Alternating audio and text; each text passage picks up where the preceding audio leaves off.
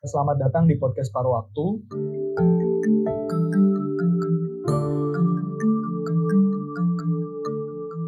Halo semua, apa kabar? Kembali bersama saya Teguh. Uh, di dalam episode kali ini, ini adalah episode ketiga dari seri The Life Of, di mana dalam seri ini kami menghadirkan kisah hidup dari masing-masing orang di dalam hobi, bakat, profesi, atau pekerjaannya. Hari ini, kita akan berbicara mengenai kehidupan seseorang yang bisa dibilang adalah seorang agamawan uh, dari salah satu agama besar di Indonesia, yaitu agama Katolik tanpa berlama-lama lagi langsung saja saya hadirkan via dalam jaringan karena sangat susah sekarang menemui orang di luar jaringan Frater Enrico. Ya, selamat datang Frater Enrico. Ya, selamat datang kembali. Selamat datang kembali. Mungkin biar lebih afdol, uh, perkenalkan diri dulu dong Frater. Kayak namanya siapa, asalnya dari mana, sekarang lagi sibuk apa? Ya, oke. Okay. Uh, eh, nama saya Benedictus Enrico Gunawan ya bisa dipanggil Enrico boleh Rico boleh ya apalah. Terus saya tinggal di Tangerang besar. Tinggal di? Uh, di Tangerang Selatan. Tangerang Selatan jauh ya? Iya. Lalu saya jadi mahasiswa hmm. di Sekolah Tinggi Filsafat Driakara di Jakarta Pusat. Hmm. dan kebetulan saya juga calon pastor calon uh, gereja Katolik hmm. Agung Jakarta. Berarti uh, sebenarnya aku tuh malah ngiranya tadi sekolah tinggi teologi malah di Magelang, ternyata malah di Driakare. Um, Magelang itu juga sebenarnya kami itu dulu hmm? uh, eh, S2-nya itu khusus nanti ke Yogyakarta itu yang di daerah Kentungan. Karena tapi karena Bapak Uskup uh, bilang ya kita di Jakarta ya Jakarta saja kan oke okay, kita di Jakarta semua. S2 selesai Jakarta semua. Oh. Berarti uh, nanti ini S1 di ini dulu di Briakara dulu baru nanti S2 nya di Magelang. Briakara juga. Belum tahu juga? Oke okay, oke. Okay. di Briakara. Oh di Briakara juga? Uh -uh. oh. Menarik menarik. Di, di berarti di ini ya Frater ya? Di bawah asuhan Romo Franz oh Franz Magnis iya yeah, Franz Magnis walaupun nggak langsung ya oh nggak langsung dia juga suka keliaran di situ sih. Hmm.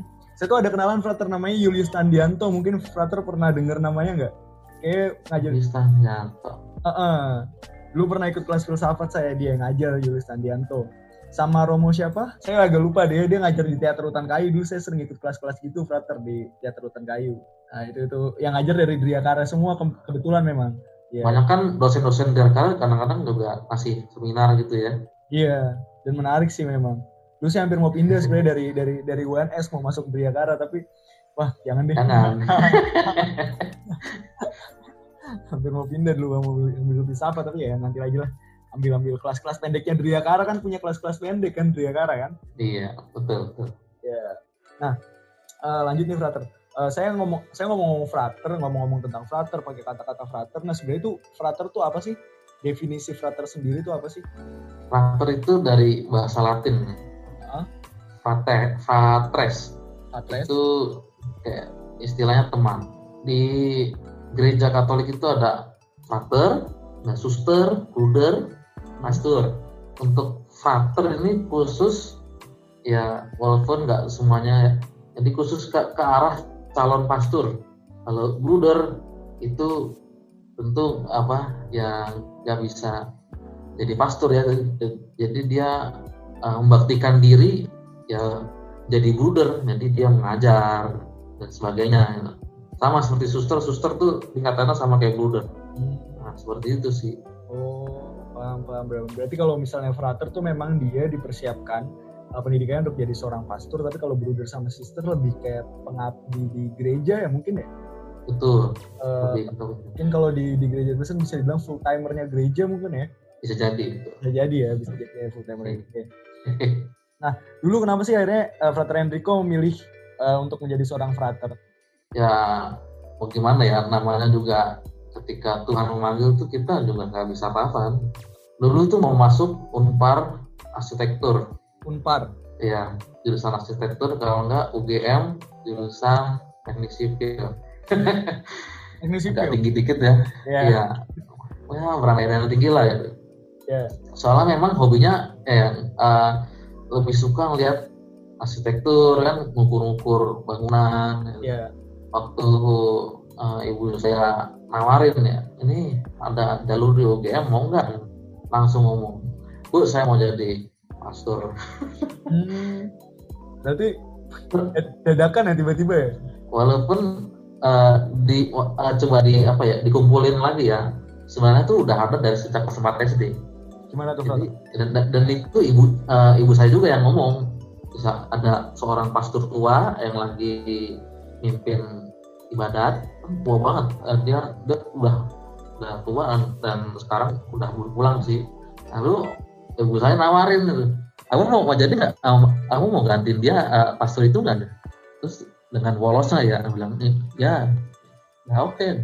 nah, terus sempat bilang uh, kelas 5 kelas 6 kan mulai muncul uh, cita-cita lain lah terus SMP dari karena dari TK SD SMP itu sem, uh, belajar ya sekolahnya di BPK Penabur. Hmm, Penabur Penabur Tanggerang itu ya? Iya Penabur Bintaro Jaya itu. Terus ya kan ntar ini kan Kristen ya. Sedangkan saya Katolik. Iya, iya. SMP itu sempat cetus pengen jadi pendeta SMP mau jadi pendeta malah. iya.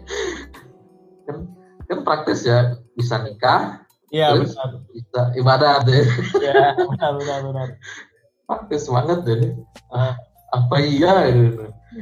Terus akhirnya iya masih bimbang kan. Hmm. Uh, akhirnya SM, SMA nggak tahu kenapa tiba-tiba ke Muntilan uh, tiba-tiba kok pengen jadi pastor gitu. terus sampai habis lulus SMA lalu ke Mertoyudan. Ke seminari menengah itu sempat berproses mau masuk Projo Semarang atau Projo Jakarta. Kalau Projo Semarang, nah kan orang tua kan dua-duanya asli Jogja. Ya. Yeah. Jadi andaikan mereka pensiun bisa sowan Uspan Agung Jakarta, ya kenapa nggak jadi pelayan di Uspan sendiri kan gitu. Hmm. Nah, motivasi itu kan ya udah masuk aja ke Jakarta sampai saat ini. Oh iya, iya. Menarik sih, menarik. Berarti SMA tuh berarti di mana? SMA udah masih, masih di SMA enggak, SMA bangun di Vanlit Muntilan. Oh iya di Van, di Vanlit ya berarti ya? Iya. Hmm, sebenarnya kalau mau jadi frater itu sendiri tuh proses pendidikannya gimana sih frater? Kayak pernah baca sebenarnya itu kan katanya ada seminar, seminari kecil, seminari menengah, terus seminari tinggi. Iya. Sebenarnya gimana sih? Nah, sebenarnya kalau mau dari awal ya, hmm? Jadi ada seminari kecil, seminari kecil, seminari menengah, terus seminari tinggi. Seminari kecil tuh dari lulus SD langsung masuk seminari. Oh ya. Uh, dari SMP, SMA, kuliah, ketemuan laki semua. Pada bosan ya. Itu sebenarnya masih ada seminari kecil tuh uh, masih ada kayaknya di Bali, daerah mana gitu sisanya semua senari menengah sama senari tinggi. Nah pas masuk itu pas masuk seminari menengah ada dua jalan. Ada yang dari SMP langsung masuk seminari empat tahun di sana. Empat tahun? Ya lebih lama dari SMA SMA tiga tahun. Kenapa lebih lama SMA nah, empat tahun Frater? sistemnya memang bikinnya seperti itu biar matang persiapannya. Oh ya paham Terus ada yang jalur kelas persiapan atas. Itu mereka yang belum lulus kuliah sama setelah lulus SMA tertarik jadi mau jadi pastor masuk lewat jalur kelas persiapan atas. Nah itu cuma setahun. Masuk cuma setahun kuliahnya? Ya, karena kan udah ya. Oh, kayak mat itu kayak matrikulasi mungkin ya? Enggak kan memang 4 tahun itu kan tiga tahun materi SMA. Uh setahun tuh materi untuk persiapan masuk semuanya tinggi. Oh, alah, ya paham paham. Ya, saya juga masuk KPA apa kelas persiapan atas. Nanti karena udah SM uh, udah dihancurkan dirinya di SMA, hmm. lulus, hmm. lalu jadi cuma setahun. Jadi setelah setelah proses setahun tersebut akhirnya masuk seminar tingginya tuh yang kuliah sekarang atau gimana? Iya, yang kuliah sekarang. Oh, berarti uh, kuliah di Driakara tuh berarti masuknya seminari? Iya. Emang gak ribet sih. Nah, abis seminari menengah itu, kira-kira masuk seminari tinggi itu ada sekitar 8 atau 9 tahun. 8 atau? Proses 9 tahun 9 tahun proses menuju pastor atau imamnya setahun kita diisolasi nggak ngapa-ngapain cuma ngurus hidup doa itu namanya tahun orientasi rohani itu juga menentukan masih lanjut atau enggak? Dari tahun orientasi rohani itu? Iya. Masih berpikir uh, ada ini enggak sih? Pasti enggak sih aku jadi mau jadi pastor gitu? Hmm. setelah itu kan setahun. Nah setelah itu empat tahun naik masuk apa STF di Jakarta hmm. kuliah. Itu jadi frater filosofan. Pernah bahas filsafat. Terus empat tahunnya harus harus selesai nih. Jadi nggak ada yang molor-molor. Jadi kita nggak susah. Memang uh, ya memang harus dijalani. Empat tahun tuh harus selesai skripsi. Uh. terus tambah ujian komprehensif. Habis itu habis itu lulus lulus S1 lalu kita orientasi pastoral. Jadi ke paroki-paroki ke gereja-gereja Katolik. Yang ada projonya atau enggak. Terus kita melayani di sana setahun. Jadi cicip-cicip lah. Uh, kita ngerasakan bagaimana jadi pastor paroki itu melayani umat hmm. dengan segala apa dinamikanya ya yeah. terus setelah itu setelah setahun lalu dapat evaluasi dari pastor uh, yang di, diserahkan paternya itu kalau lulus oke okay, langsung S2 di Deltar juga hmm. S2 tiga tahun habis itu ngurus uh, tesis terus persiapan. Itu memang agak cepat jadi persiapan menuju uh, namanya tahap diakon? Diakon iya iya. Iya. Itu diakon itu uh, sekitar enam bulan atau setahun lah. Terus naik ke jadi uh, pastor itu panjang ya berarti panjang. Iya panjang. Iya. Prosesnya panjang maksudnya uh, iya. harus harus harus selesai S1 dulu harus selesai S2 dulu berarti ini Flutter hitungannya berarti karena tadi ada tahun oria, tahun orientasi rohani ya satu tahun pertama ya berarti ini masih semester berapa? 6? Skripsi semester berapa sih?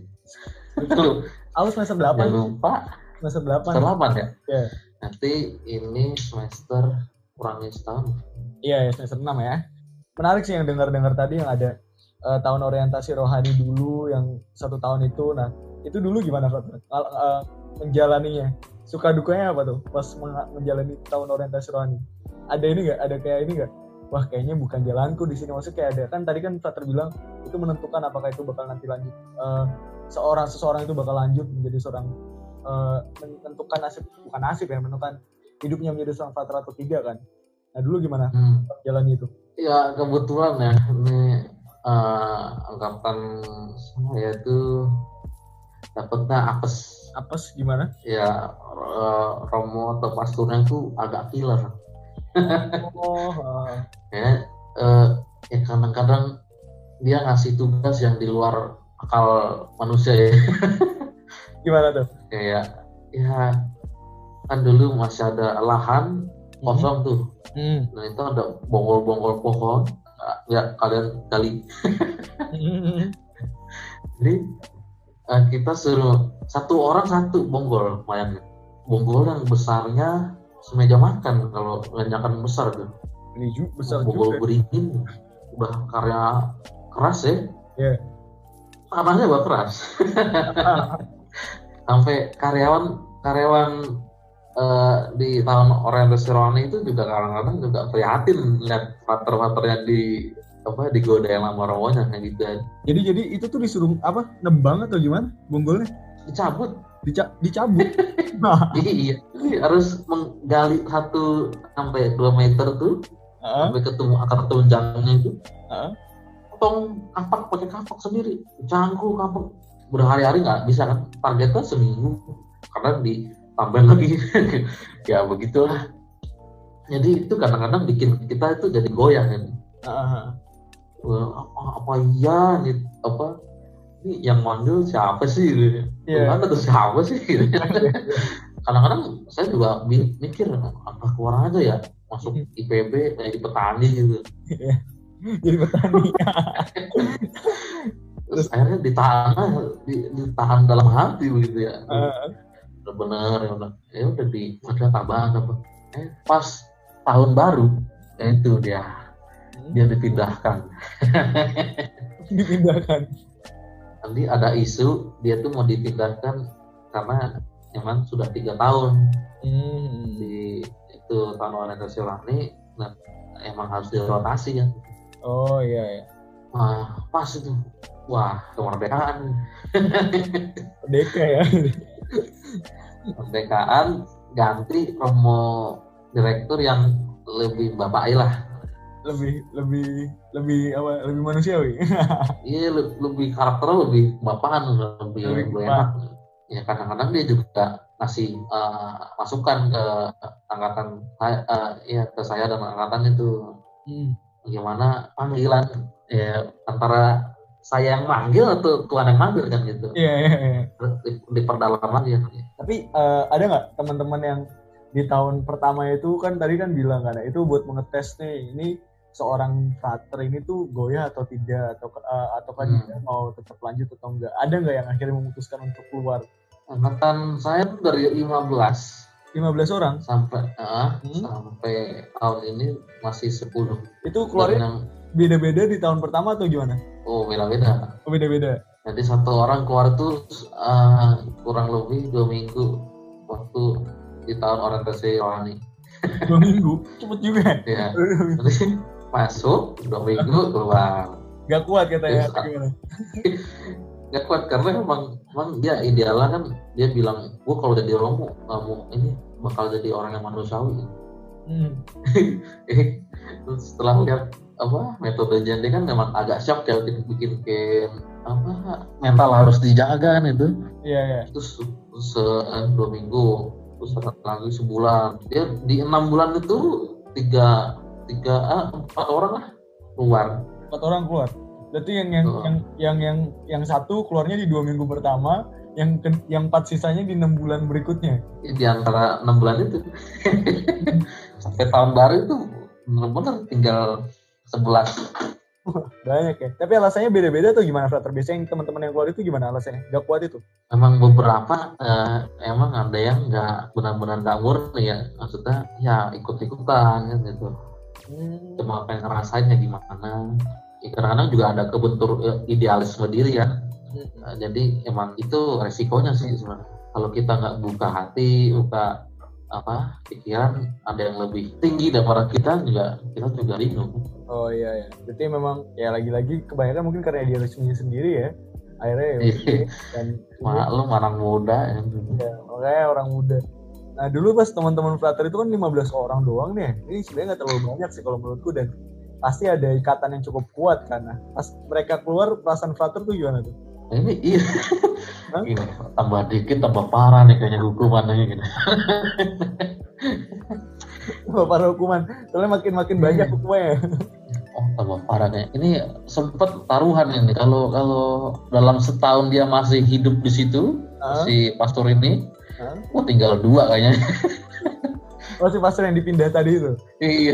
Oh. Kalau masih sampai setahun apa nemenin angkatan saya, wah kayaknya tinggal dua kayaknya. Jadi sebenarnya hal-hal kayak apa sih? Maksudnya kan menariknya adalah ada pastor yang killer, ada yang itu hal-hal yang yang menentukan pastor itu pastor killer tuh kayak gimana? Hal-hal kayak apa? Itu pasti metode metode pembentukan apa ya jati diri hmm. mentalitas kita itu di apa, tiap promo tuh kan beda-beda. Kan masalahnya kan uh, mau sejalan nggak sama visi seminari tinggi? Tinggal metodenya aja emang rada-rada uh, motivasinya emang agak rancu sih. Jadi kadang-kadang pakai jalan sendiri. Sempat juga dia juga sering berantem sama romo-romo staff oh. seminari iya iya bang bang eh Romo-Romo punya idealisme juga lah ya yang gak yang punya idealisme iya. mahasiswanya doang. Iya iya iya menarik menarik. Nah sebenarnya kalau tadi kan cerita tuh ada ada lima orang yang gagal. Nah itu kalau bukan gagal sih maksudnya keluar dari seminari. Nah itu prosesnya gimana kalau kalau keluar dari seminari? Tinggal keluar aja atau gimana? Soalnya katanya ada temanku yang bilang katanya kalau mau keluar harus pamit ke semuanya berdiri di depan altar gitu atau gimana? Eh, untuk ya kadang kan harus ada konsultasi dulu konsultasi ke romo-romo staff dari romo rektor hmm. Romo ya Romo direktur tahun organisasi rohani Romo unit ini hmm. kan kita para fathers itu kan juga udah masuk itu kan dia juga wawancara sama Romo-Romo staff seminarian hmm. uh, jadi sama aja mempertanyakan lagi apa yang dia motivasi awal dia kenapa dia masuk seminari setelah itu kan ya mungkin ada pencerahan lah setelah itu pen, dapat pencerahan yang mungkin ini bukan jalannya Nah, beberapa ada yang diluluskan karena memang ya, para staff juga melihat bahwa ini Father emang mungkin kurang cocok untuk kehidupan di pastor. Yang lain mungkin lihat kelakuan Fathernya yang kadang-kadang ya di mata staff situ mungkin kurang melihat kurang bagus lah gitu. Nah, kadang ya langsung panggil siapin barang-barang kamu nanti kami jemput. Itu. Berarti uh, mau keluar pun nggak segampang itu ya nggak wah aku mau keluar nih. Tapi emang harus konsultasi dulu ya? Konsultasi benar-benar. Soalnya kan ya, sia-sia juga kalau ini. Gimana? Kalau tiba-tiba beberapa memang beberapa beberapa kasus ya. Ada yang mantan frater udah berkeluarga itu sharing bilang benar-benar kalau menyesal kalau keluar itu. Karena emang kehidupan berkeluarga juga bukan main sulit kan? Kalau yang itu nggak itu bener gak berarti kalau yang kalau mau pam, mau pamit harus ke bilang ke satu angkatan dulu gitu? Ngomong dulu. Masa? Ya beberapa memang memang ada orang-orang yang sejak awal memang kurang terbuka sama angkatanan. Tapi kan ya harus kondisikan angkatan tuh ya keluarga sendiri gitu. Hmm. ya masa mau keluar nggak ngomong gitu? Yeah, terus yeah. ada apa gitu? Yeah, yeah. gitu. Di situ kita menjalin hubungan tapi selama pendidikan tuh sebenarnya boleh ini gak sih megang alat elektronik gitu berarti? Komputer boleh. Komputer boleh. Handphone, komputer, laptop. Komputer berdua. komputer satu berdua gitu? Iya. Di, di satu kamar itu ya? Di kamar itu satu berdua ya? Enggak. Jadi tahun orientasi rohani itu gak boleh nggak apa pun.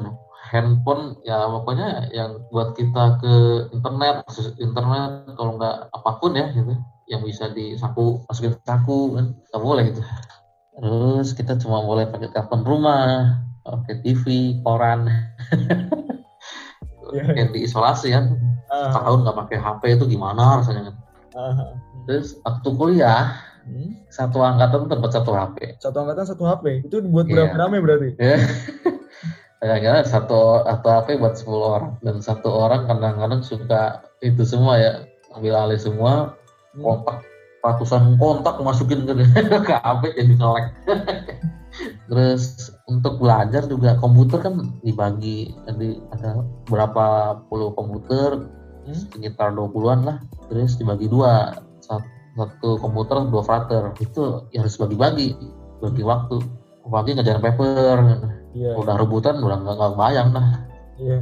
Ada tugas-tugas apa lagi ya kalang kabut nih. terus ada komputer internet khusus buat internetan huh? tapi cuma lima oh berarti itu tadi yang komputer satu berdua itu nggak nggak apa nggak offline gak, oh, offline iya cuma nyambung printer Lalu kalau mau akses internet gitu kan maksudnya kuliah kan tetap butuh baca jurnal, referensi gitu gimana? Ya sekolah tinggi filsafat deh, hmm? pasti nyiapin diktat tuh.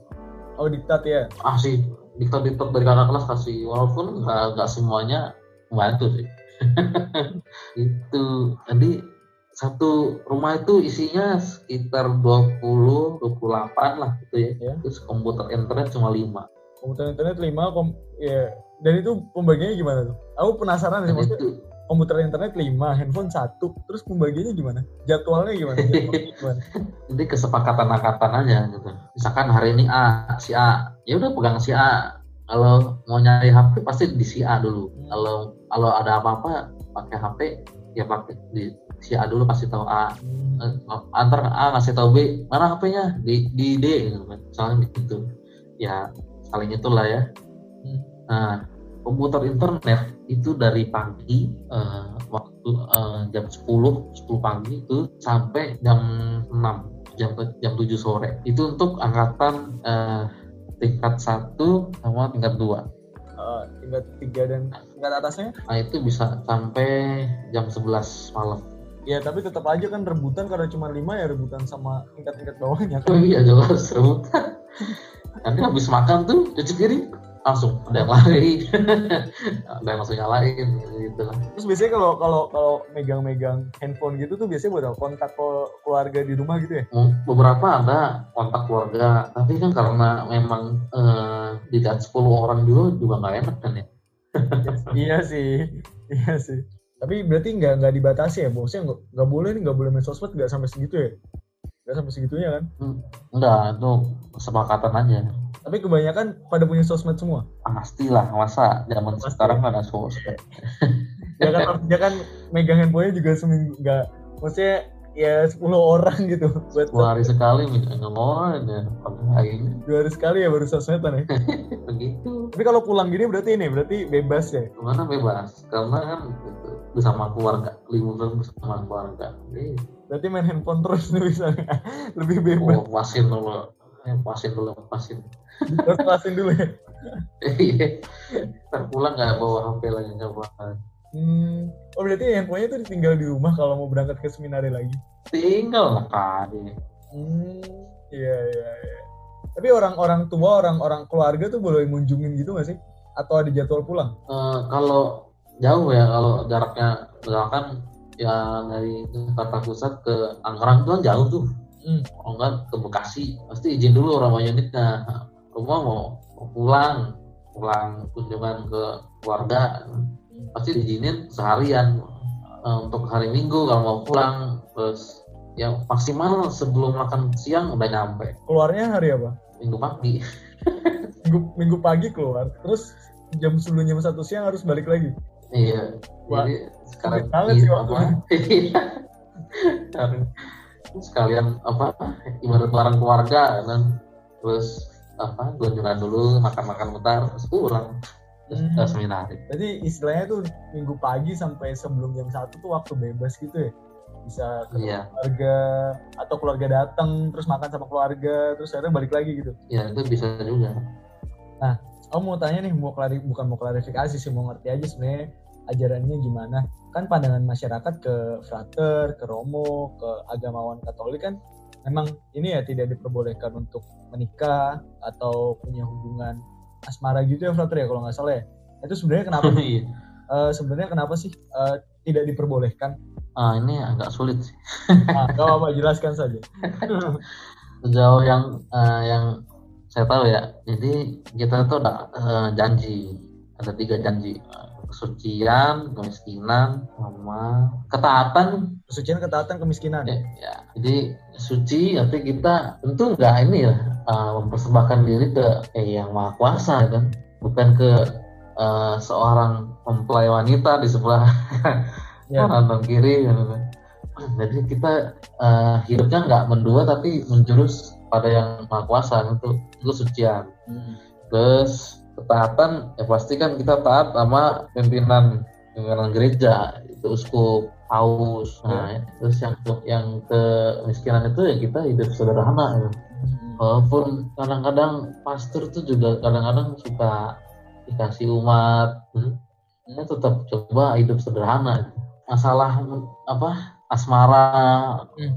menikah itu sebenarnya kan gereja dari dulu dulu sejarah gereja itu beberapa beberapa kasus ya ada yang memperbolehkan uh, pasturnya itu berkeluarga dan uh, ada ada saat di mana ada ke, apa era kegelapan gereja uh, moral gerejanya rusak terus ada paus yang mem, apa memperbarui semangat gereja lah itu.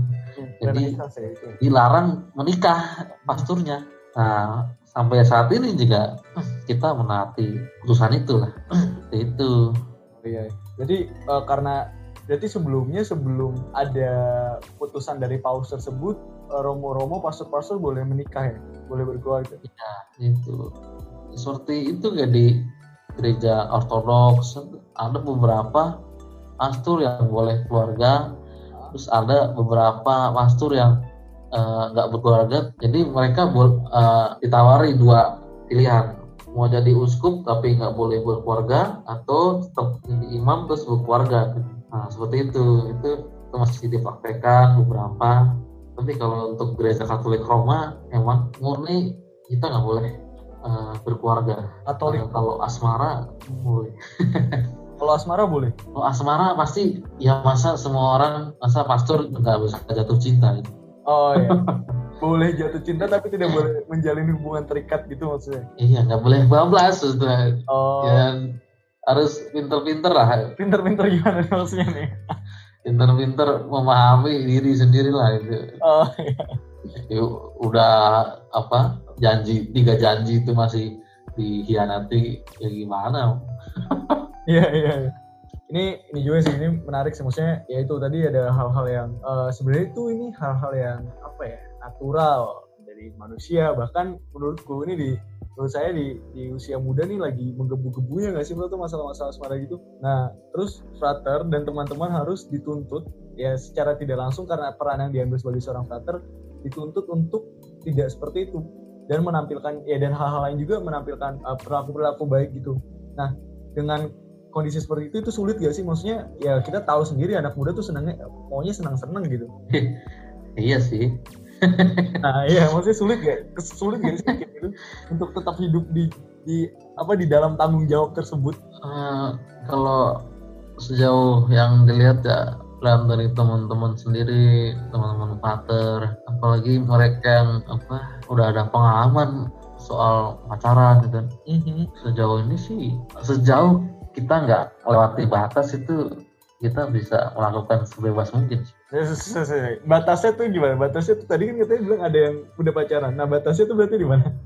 Enggak, se sebelum masuk seminari kan ada yang udah pacaran. Oh gitu. iya, iya, iya. kan udah di seminari terus Iya, sejauh nggak melewati batas masih dianggap aman lah. Hmm, nggak melewati batas tuh gimana Pak? Ini masih agak abu-abu nih menurutku. Ya, batas yang ditetapkan seminari lah. Batas itu sejauh ketika peraturan-peraturan yang ditetapkan seminari itu uh, dilanggar oleh pater-pater itu, hmm. nah itu kadang harus di, dilurusin juga ya. Kadang-kadang kan gak menyimpang gitu kan. Emang agak susah sih nyari sulit ya. kadang kalau ini batas-batas itu juga uh, kita juga saling mengingatkan. Misalkan uh, kesepakatan kesepakatan angkatan nih misalkan kalau ada yang jatuh cinta kalau ada yang uh, ada indikasi mau pacaran gitu kita harus saling kasih tahu ini salah nih kalau bisa jatuh cinta? Gitu. Walaupun kadang-kadang partnernya juga ah enggak mau doang. Alasan paling klasik sedunia itu gimana kan alasan klasiknya teleponan? Ah enggak temenan doang kok. Temenan. Kita cuma temen ya? Temen doang. Eh, tiap minggu dia pergi atau ke mana. Oh pas kadang-kadang juga gitu pas, pas minggu pagi itu pergi ya? Iya. Beberapa yang memang kayak gitu. Hmm. kadang juga kita ingetin. Ketahuan kan kalau kalau dia lama tuh sampai makan siang nggak muncul hmm. Ah, ada apa apa nih gitu. Kan gitu. Hmm. batasnya kan jelas kalau lewat makan siang nggak muncul oh, ada apa apa nih? Yang yeah. bisa apa bisa apa kan ya, sejauh ngapain mau jungkir balik sebelum makan siang. Yeah. kita kita juga nggak terlalu khawatir gitu. Kadang-kadang kita juga uh, lupa kadang nggak terbuka mah ini gue bebas-bebas aja kok gitu. Lupa ada batasnya juga kan. Batas-batas yang ditetapkan senari sama angkatan. Yeah, yeah, yeah. memang agak kabur sih. Ya batas-batasnya emang agak kabur. Tapi kan yang paling menohok eh, yang paling kelihatan tuh pokoknya makan siang nggak muncul ada apa-apa. Oh iya. Jadi itu jam makan ya jam makan siang udah jadi kayak ini ya ya batas batas laten batas tidak manifest. Oh frater pokoknya kalau misalnya lebih dari jam makan siang tidak muncul ada apa-apa pasti gitu ya? Ya udah nggak muncul nggak nggak apa ngasih tahu temen lah wah ya itu udah. Dari mana dari mana? Loh mau ngasih tahu kan juga susah kan keluar gak bawa handphone frater gak bawa alat ini eh, alat komunikasi. sehari sebelumnya kan bisa ngomong. Oh iya deh benar benar benar, nah, kalau kalau ngomongnya besok mau pergi sama ini kan juga pergi sama temen kan juga oh ini bukan sama temen nih kan juga di ini. Serba salah. Emang nggak serba salah ini. Kalau tadi kan juga nih peratur cerita pas-pas uh, sebelum memutuskan akhirnya masuk seminari pengennya masuk unpar arsitektur sama UGM teknik sipil ya. Itu kan berkaitannya sama hobi ya. Nah kalau hobi-hobi tersebut sekarang masih bisa berjalan berbarengan gak sih sama kehidupan pelayanan di seminari seminari sebenarnya apa ya ngasih fasilitas biar hobi kita itu berkembang tuh. Kayak gimana tuh? Misalkan oh, saya hobi saya hobi baca, hobi gambar, ya itu ada perpus, ada ruang AC buat bisa gambar kan, enak lah ya. Terus ada lagi dia uh, ngasih fasilitas buat bikin apa konten video, buat posting Instagram, oke okay, desain grafis, bikin majalah. Oh, disediain fasilitas gitu juga? Iya, itu saya buat semua. oh. Sebagai ganti kalau arsitektur ya bikin dena buat peta jalur listrik, jalur air. Selama ini nggak ada peta, di... denanya hilang. dena bangunan sebenarnya hilang. Oh, terus prater hilang.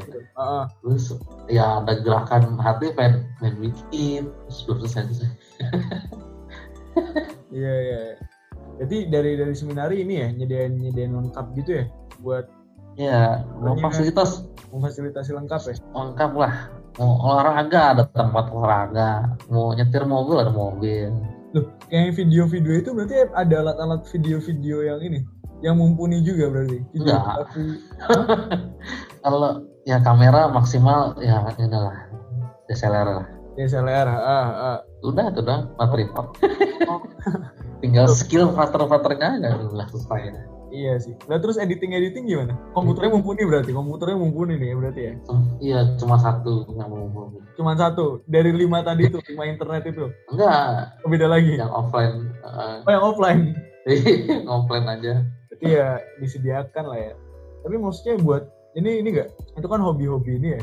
Hobi-hobi ya disediakan. Tapi kalau urusan kehidupan sosial gitu bukan maksudnya bukan sesama frater kayak tadi kan SMP sama SD frater di sekolah Kristen ya itu tuh gimana masih hmm. sering ketemu interaksi sama mereka atau gimana uh, jujur kalau sampai saat ini udah lost kontak udah lost kontak hmm. iya karena tahu-tahu mereka ada di luar negeri gitu.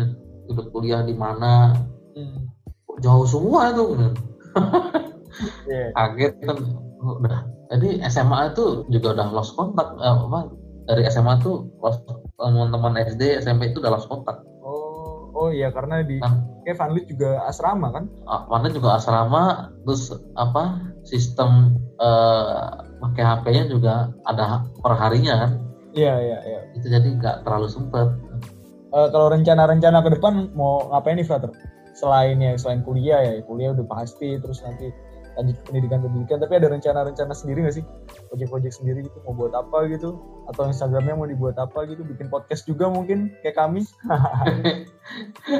Belum kepikir lah. Podcast angkatan kayak menarik tuh kan. Menceritakan kehidupan seminari kan. Satu sepuluh orang itu bikin podcast cerita satu-satu. Ya satu-satu ya sepuluh jam lah satu orang lah.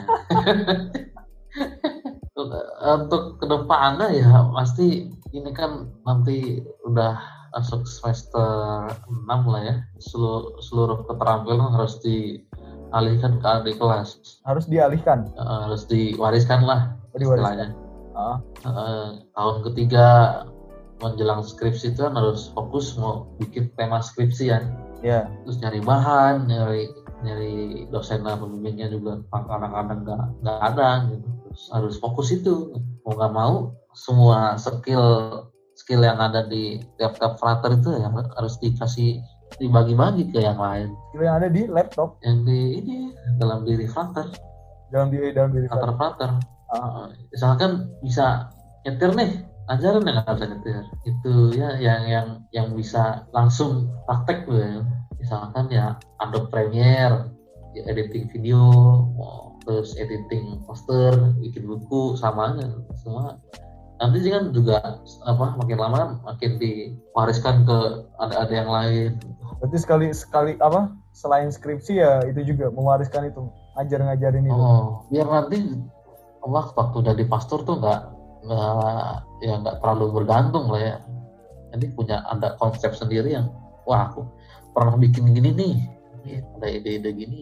Jadi apa hubungannya antara angkatan tuh juga juga cukup erat ya kalau gitu ya karena ada saling bagi iya. gitu ya betul penting itu angkatan sebenarnya iya iya baik antara angkatan atas tapi ini gak sih ini penasaran aja di sini kalau di kampus kan kita ada ini ya ada istilahnya ospek gitu lah ya dari senior ke Nah kalau oh, di sana iya. ada juga nggak? Di sana ada juga nggak? Di STM itu dan ospek namanya. Apa tuh? Bina keluarga. Apa, apa apa? Bina keluarga. Oh bina keluarga, itu gimana? ya udah perkenalan. Nih organisasi organisasi apa UKM mahasiswa lah ya. Mm-hmm. Ada beberapa tapi kenalin. Mm-hmm. Terus keliling-keliling kampus. Mm-hmm. Kan luasnya nggak seberapa ya. Pernah ke STM mm-hmm. Itu ya udah perpus ketemu staff apa karyawan perpusnya ngobrol-ngobrol hmm. ketemu karyawan uh, yang lain ketemu satpam ketemu ke kampus S2 itu ya yeah. jadi seminggu tuh cuma ya perkenalan sederhana lah ya ya yeah. kita kan juga bukan sekolah yang banyak-banyak kamet jadi tiap angkatan tuh orang angkatan tuh paling sekitar 60 80-an paling banyak 60 orang 80 orang uh -uh. itu gabungan yang ini ya yang umum juga ya Iya, gabungan yang umum. Yang fronter sama yang awam itu 80 mah udah bersyukur tuh banyak lumayan. Ya, ya. Tapi berarti nggak ada tuh, yang ospek-ospek kayak gitu nggak ada tuh, cuman sederhana gitu doang. Ya, masa sesama fronter di ospek? Iya, ya, siapa tahu kan. Di luar ini ospek, jadi pastor perang. ospek tidak ini, maksudnya ospek tidak ter, terlihat gitu, maksudnya di luar formalitas, misal di asrama, eh, lu ini dulu lah, lu dulu nyuci-nyuci gitu. Enggak, orang dosen juga romo. gimana gimana? Kan dosen-dosennya juga romo-romo. Oh iya sih. Susah. Iya iya iya iya. Tetap terawasi ya, aman lah ya dari dari hal-hal kayak gitu ya. Hal-halnya dihindari ya, sejauh mungkin. Iya. Berarti udah jadi frater nih udah berapa lama? Uh, frater Enrico nih? Tiga tahun. Udah tiga tahun ya? Ini udah. Ini menjelang tahun keempat. Jalan keempat tahun keempat. Nah dari empat tiga tahun jalan ke empat tahun. Ini ini terakhir sih. Apa sih yang disyukuri dan dipelajari selama jadi seorang frater?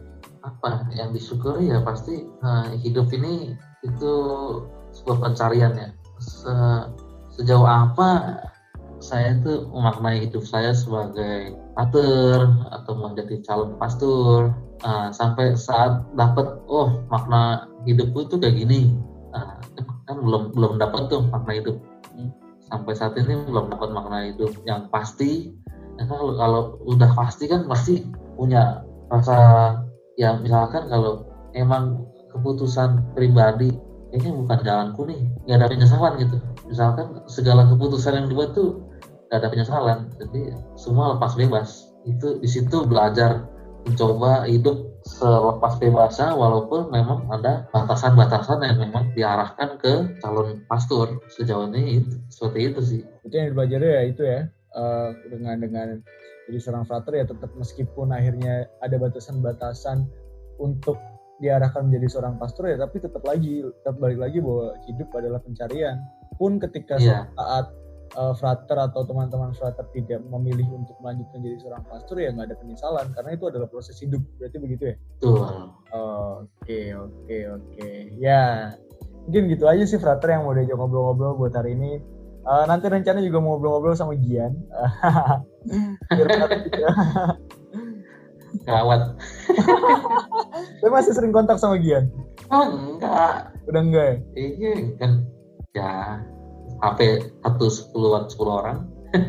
Iya ya mungkin itu dulu yang yang yang mau kita bahas hari ini.